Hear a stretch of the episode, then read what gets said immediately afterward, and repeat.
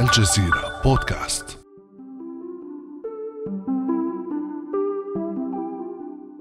إنه العاشر من تموز من عام 1925 مئات المتفرجين يحتشدون في مدينة دايتون الواقعة في ولاية تينيسي الأمريكية أجواء كرنفالية تسود المكان. يشعر الجميع بحر شديد وهم يتنقلون بين الأكشاك لشرب العصير البارد ويتبادلون الأماكن أمام المراوح الهوائية قبل الدخول إلى القاعة.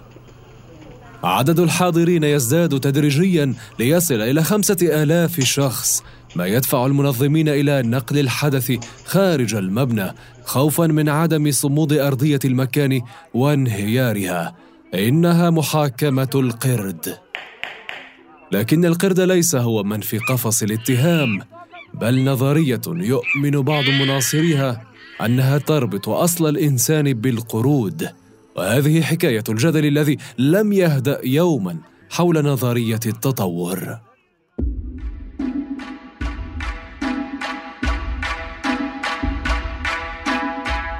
أهلا بكم في هذه الحلقة من بودكاست لحظة من الجزيرة. أنا فريد وهذه الحلقة بعنوان نظرية التطور في قفص الاتهام.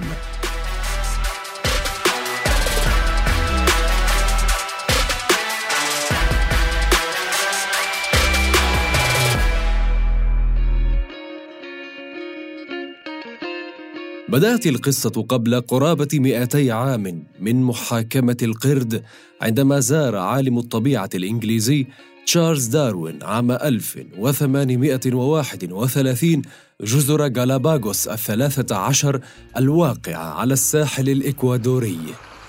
أثناء رحلته التي استغرقت خمسة أسابيع وجد داروين نفسه محاطا بعصافير كثيرة. شدت انتباهه فأخذ يراقب تحركاتها ويجمع عينات منها لدراستها.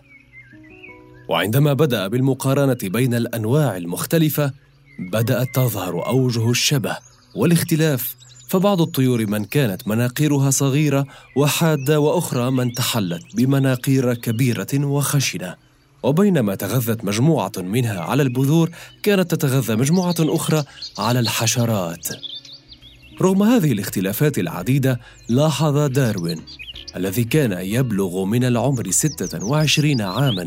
في ذلك الوقت أنه توجد قواسم مشتركة عديدة بين العصافير المختلفة المنتشرة على الجزر ما أثار أسئلته حول أصل هذه الكائنات وعلاقتها ببعضها البعض. ربما كانت هذه هي اللحظة الأهم في حياة داروين التي دفعته فيما بعد إلى التأمل بل وربما كانت خطوته الأولى على الطريق. فبعد بضع سنوات من تلك الرحلة نشر داروين كتابه أصل الأنواع الذي تحدث فيه للمرة الأولى عن نظرية التطور بالتفصيل. وهي نظرية تفترض أن جميع الكائنات تطورت من أصل واحد بمراحل متفاوتة ازدادت تعقيدا مع مرور الوقت. بعد نشر الكتاب عام 1859 أثيرت ردود أفعال كثيرة منها الغاضبة أو الساخرة وكان أكثر الغاضبين من النظرية هم المتدينون الذين يعتقدون بأن الخلق أكثر تنظيما وترتيبا من أن يسير بهذه الطريقة بعد نشر الكتاب بقرابة عام استضاف متحف التاريخ الطبيعي في جامعة أكسفورد ما أصبح يعرف اليوم بالنقاش الكبير. في ذلك اليوم تناظر صامويل ويلبلفورس أسقف أكسفورد مع توماس هيكسلي عالم الأحياء البريطاني حول نظرية التطور أمام 500 شخص من الحاضرين. كان هيكسلي محسوبا على داروين نظرا إلى علاقته القريبة معه وإلى إيمانه بنفس المعتقدات أما الأسقف فكان يشغل منصبا مهما بكنيسة إنجلترا وكان يمثل وجهة النظر الدينية الرافضة للتطور سخر الأسقف من احتمال أن يكون هيكسلي حفيد القردة. فرد عليه هيكسلي قائلا إنه يفضل أن يكون حفيدا للقردة على أن يكون شخصا غير متقبل لطبيعته. قد تبدو سخرية الأسقف للكثيرين مبررة. فالصورة السائدة عن النظرية هي أنها تجعلنا نحن البشر أحفادا للقرود. وهم لا يتصورون أنفسهم ككائنات عاقلة أحفادا لقردة تزقح وهي تتقافز من شجرة إلى أخرى لم يحسم ذلك النقاش الدائر في جامعة أوكسفورد المسألة الجدلية بل أثار فضول الكثيرين وفتح الباب أمام نقاشات ومناظرات أخرى عديدة ولا سيما في الدول التي ترسخت فيها معالم الحداثة كالولايات المتحدة الأمريكية. استمرت نظرية التطور في الانتشار حتى بداية القرن العشرين، حيث لعبت دورا مهما في المناوشات الدائرة في أمريكا. انقسم على إثرها الأمريكيون بين مؤيد ومعارض، ولكن لم يكن الخلاف واضحا على الصعيد العام إلا عندما ظهر جون باتلر كان باتلر عضوا في البرلمان الأمريكي عندما تم تكليفه برقابة أداء المدارس الحكومية وانتبه خلال ذلك إلى أن بعض كتب العلوم المعتمدة تتحدث عن الداروينية وقرر عندها أن يكتب مشروع قانون سمي بقانون باتلر. تم إقراره في عام 1925 في ولاية تينيسي الأمريكية. جرم قانون باتلر تعليم أي نظرية تخالف قصة الخلق الإلهي للإنسان كما ذكرت في كتب الإنجيل بما يشمل ذلك نظرية التطور. قبل المباشرة بقصتنا لابد اولا أن نتوقف عند أهم فارق يفصل ما بين نظرية التطور والتفسير الديني للخلق الذي يطلق عليه نظرية الخلق. بينما تفسر نظرية الخلق أصل الحياة عبر الإيمان بخالق يقوم ببث الحياة في جميع الكائنات والأنظمة الطبيعية. ترتكز نظرية التطور على عملية الانتقاء الطبيعي وهي العملية التي تحافظ على استمرارية كائنات معينة تتحلى بخصائص معينة. في الوقت نفسه الذي تقصي فيه كائنات أخرى تفتقر إلى تلك الخصائص. سألنا الدكتورة المتخصصة في الأحياء الجزيئية الحيوية رنا الدجاني وهي أستاذة مشاركة في الجامعة الهاشمية في الأردن وأستاذة زائرة في جامعة ريتشموند عن آلية الفرز هذه. بأي كائنات حية بنلاقي مجموعة متشابهة في مجتمع ما من أفراد منتمين لهي المجموعة؟ فمثلا عندنا حقل من الأشجار. هدول الأشجار كلهم من نوع معين موجودين بعدد كبير. هلا هدول الأفراد من هذا المجتمع اللي من نوع معين مش بالضبط زي بعض في اختلافات بسيطة بيناتهم. نتيجة اختلافات بالدي ان اي تبعتهم. هي الاختلافات البسيطة بتخلي بعضهم ممكن يقاوم آه، ظروف البيئة اللي حواليه أكثر من آه، آخر. فمثلا إذا هذا الحقل من الأشجار تعرض لحرارة عالية بسبب تغيرات في البيئة وزي ما هلأ صاير عندنا التغير المناخي. فبتلاقي بعض الشجرات ما بتتحمل الحار وبتموت قبل ما تقدر تنتج بذور. وفي شجرات تانية أفراد تانيين مشان هذه الاختلافات البسيطة آه، بالدي إن اي تبعها بتتحمل الحار. بالتالي بتضلها عايشة وبتطلع بذور وهدول البذور بشكلوا الجيل المستقبل من الشجر في هذا الحقل. فمع تواتر الأجيال بصفوا تقريبا كل الأشجار اللي موجودين بهذا الحقل بيقدروا يقاوموا الحرارة. النقطة المهمة من هون إنه الجيل الأشجار هذا اللي عم بيتطور جيلا عن جيل ما عم بيتطور لإشي أفضل أو أسوأ. إنما هو عم بيتطور بحيث يكون أكثر ملائمة للبيئة اللي حواليه. وفقا لنظرية التطور لا يقتصر الانتقاء الطبيعي على النباتات فحسب بل يشمل أيضا الكائنات جميعها. حتى تلك التي لا نراها بالعين المجردة كالفيروسات والبكتيريا. فهذه الكائنات الدقيقة ذات الأعداد الهائلة ودورات الحياة القصيرة جدا تتيح للعلماء ملاحظة التطور الحاصل في سلالتها الواحدة تلو الأخرى.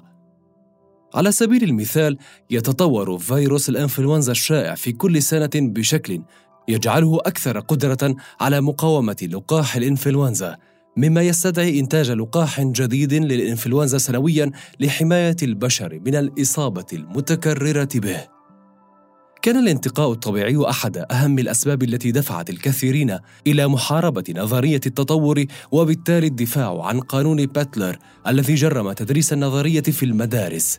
إلا أن ذلك لم ينطبق على جون سكوبس معلم العلوم في مدرسة ثانوية محلية في ولاية تينيسي آمن سكوبس بالنظرية ودرسها لتلاميذه بالرغم من القانون. فانتهى الأمر بمرافعته من قبل ويليام براين الذي رأى في تدريس سكوبس انتهاكا صارخا للقانون.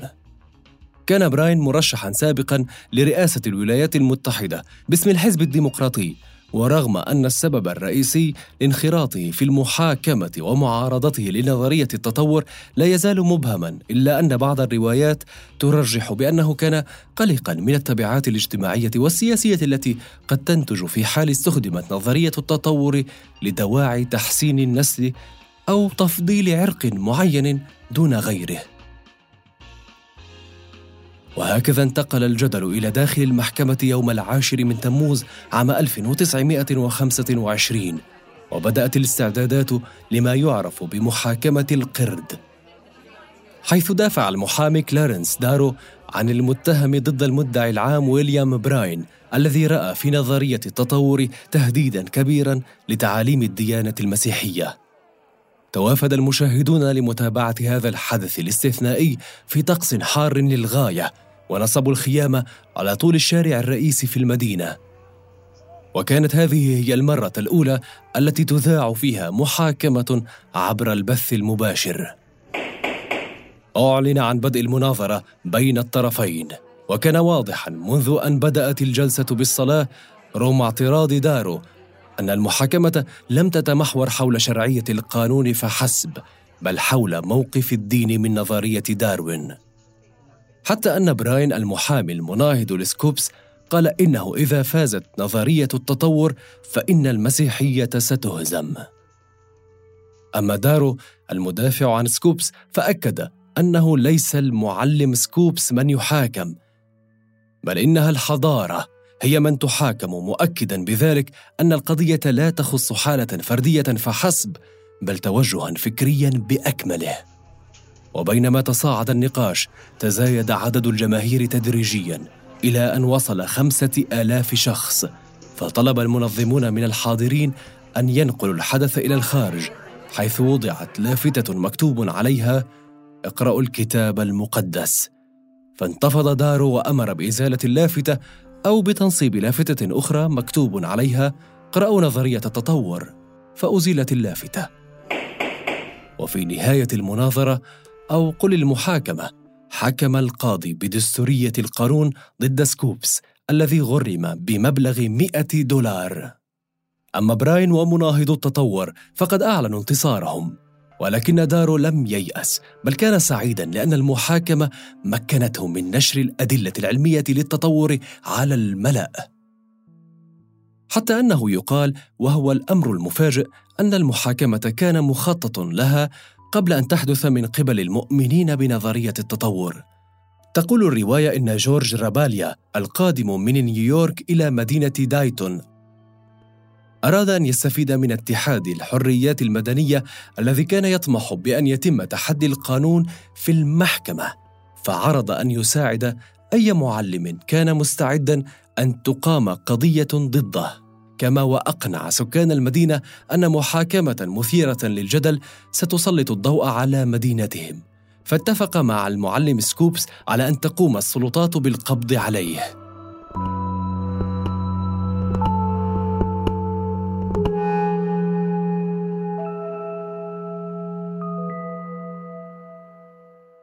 ظل الحال على ما هو عليه إلى أن أجلس معلم آخر على كرسي الاتهام بعد 42 عاما من هذه الحادثة. كان المعلم جاري سكوت يعلم مادة العلوم في إحدى المدارس الثانوية في ولاية تانيسي عندما وجد نفسه مطرودا من المدرسة بتهمة مخالفة قانون باتلر الذي يمنع تدريس نظرية التطور للتلاميذ. ولكن لم يستسلم سكوت إلى قدره. بل طعن بالقانون عام 1967 ولحسن حظه وافقت المحكمة على إلغائه. وبمجرد توقيع الإلغاء في ولاية تينيسي اتبعتها الولايات الأخرى التي لديها تشريعات مماثلة لحظر تدريس التطور في المدارس العامة. منذ ذلك الحين أي في أواخر الستينات بدأت نظرية التطور تظهر في كتب المدارس الحكومية دون حرج ولكن رغم ذلك لم تنتهي المعركة بين قبول ورفض لتعليم التطور في المدارس العامة الأمريكية. حاول البعض تبني نظريتي الخلق والتطور كأنهما مكملتان لبعضهما البعض، فظهر قانون أقر عام 1981 يمنع التطرق لنظرية واحدة دون الأخرى في الغرف الصفية. فمثلا إذا أراد مدرس علوم أن يشرح نظرية التطور لتلاميذه أصبح مجبرا وفق القانون الجديد أن يدرس نظرية الخلق كذلك والعكس صحيح. ولكن لم يرق هذا للجميع وكان المعلم دون أجيليرد من ضمن المعارضين فرفع دعوى قضائية ضد القانون. قضت بإثرها المحكمة العليا بعدم دستورية القانون الجديد. منذ ذلك الحين لم تعد المدارس الأمريكية ملزمة بتدريس نظرية الخلق إلى جانب التطور في صفوف العلوم. أما أولئك الذين كانوا رافضين للتخلي عن نظرية الخلق بشكل كامل فاستمروا بمحاولة الجمع بين الطرفين عبر تدريس تلاميذهم نظرية جديدة تضم وجهتي النظر ولكن بحلة جديدة. إنها نظرية التصميم الذكي. إن مصطلح التصميم الذكي هو مصطلح صنع في الغرب بالتحديد في الولايات المتحدة من أصول فرق من الديانة المسيحية وهو مصطلح يصف كيفية تكوين الكائنات الحية المختلفة من خلال وجود قوى خارقة. نالت نظرية التصميم الذكي رواجا في أوائل التسعينات. وكانت بالنسبة لكثيرين محسوبة على نظرية الخلق إذ إنها تفسر الطبيعة وما فيها من أنظمة معقدة عبر التطرق إلى مصمم ذكي قد سبق وقام ببرمجة الكون. ولكن لم تنل محاولة التوفيق ما بين النظريتين إعجاب الجميع، ما يبرر موقف أهالي طلبة أمريكيين قاموا ضد مدرسة دوفر الواقعة في ولاية بنسلفانيا عام 2005. في ذلك الوقت ألزمت إدارة المدرسة مدرسي العلوم أن يقرأوا بيانا يشرح للطلاب عن التصميم الذكي كنظرية بديلة لنظرية التطور. اعترض بعض الأهالي والمعلمون من المتحمسين لنظرية التطور ورفعوا قضية ضد المدرسة حيث دار الحديث حول الإسناد العلمي للنظرية، فقال الأهالي إن نظرية التصميم الذكي تفتقر للأدلة العلمية وإنها مرادفة لنظرية الخلق التي لا تختلف عنها في شيء. في حين دافعت المدرسة عن نفسها زاعمة أن التصميم الذكي ناتج عن استدراك علمي. كما حرضت واحدة من المشتكين على الفصل بين الدين والعلم في المدارس مؤكدة أن الأهالي والكنيسة وليست المدارس هم المخولون بتعليم الأطفال عن الدين. انتهت المحاكمة بتصريح من القاضي الذي أقر بأن نظرية التصميم الذكي تندرج تحت الدين وليس العلم.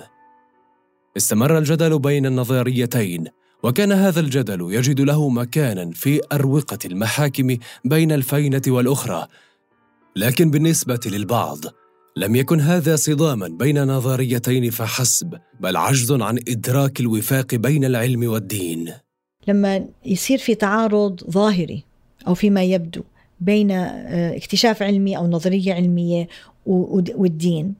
أنا بنصح الناس أول شيء يتأكدوا من النظرية العلمية والعلم لأنه هذا علم.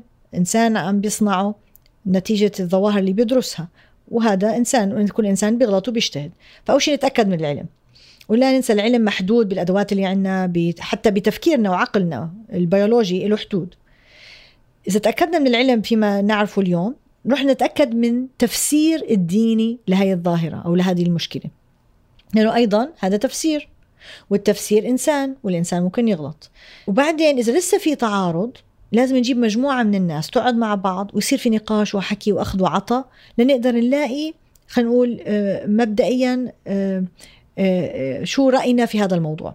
إذا قدرنا نوصل لاتفاق مبدئي بين هاي المجموعة من الناس من ذوات الاختصاصات المختلفة بخصوص هذا الموضوع هنقول المجموعة من الناس اللي عم تجتمع لتلاقي هذا القرار ما بيكون قرارها نهائي لأنه العلم بيتطور. بالتالي دائما لازم نضلنا نراجع هاي القرارات وهي الاتفاقيات على مبادئ معينة آه، طول الوقت. هاي نقطة كتير مهمة.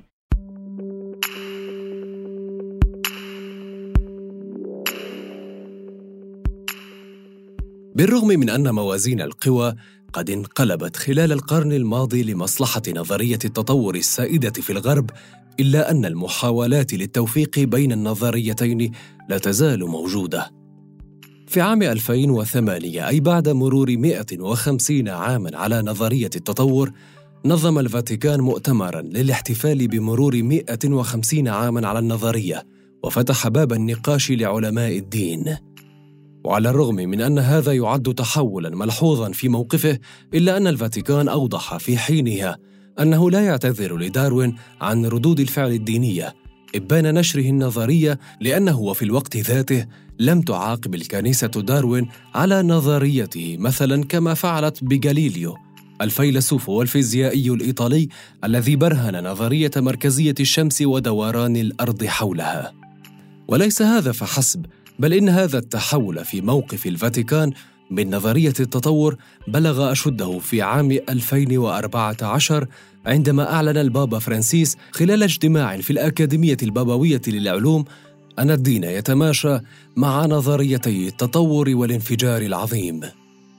ليست المسيحية الديانة الوحيدة التي شهدت وما زالت تشهد تجاذبا وتنافرا بين معتقداتها ونظرية علمية كالتطور، إذ تؤكد الدكتورة رنا أنه لا خلاف بين الدين والعلم.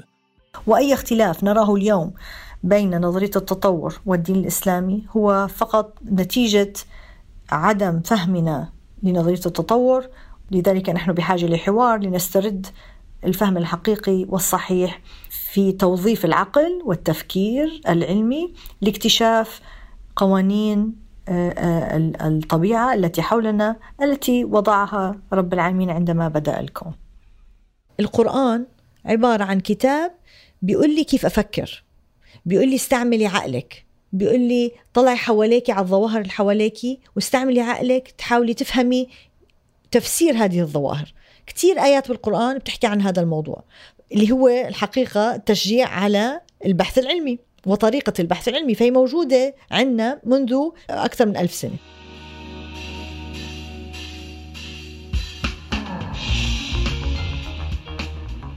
وهكذا إذن ربما كان من المقدر للمعلم سكوبس أن يخطط لعملية اعتقاله كي تخرج نظرية التطور من بين دفتي كتاب داروين إلى الملأ. فتحدث حولها ما تحدث من حراك بين مؤيد ومعارض وغيرهم ممن لا يرون خلافا بين العلم والدين إذ يؤمنون أن الله هو خالق الكون وواضع قوانينه ونواميسه التي تحكم أجرامه وكائناته. وأحد هذه القوانين حسب ما يرون قانون الانتقاء الطبيعي الذي تقوم عليه نظرية التطور.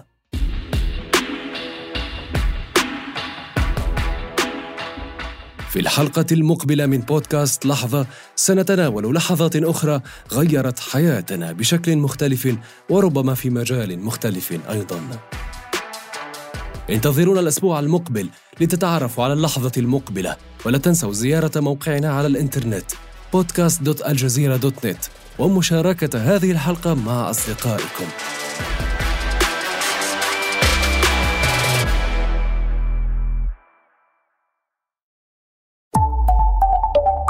الجزيرة بودكاست انت مكتئب ليه يا عم؟ ما تكتئبش.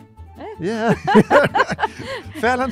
لأنه هون لازم ننتبه إنه الأمراض النفسية مثل مثل الأمراض الجسدية. يبدو ان في حالة سيطرة جامدة من نوستالجيا الثمانينات على الثقافة الشعبية. كنا أولاد نلعب بوكيمون. أحلم دوما أن أكون بين الجميع. اليوم عم نحضر فيلم. كنا أولاد نلعب ليجو اليوم نحضر الليجو فيلم. خلينا نقول مثلا أنا مقتنع إن في بلد بحالها تحت البلد واثار وكنوز وعايز ألاقيها.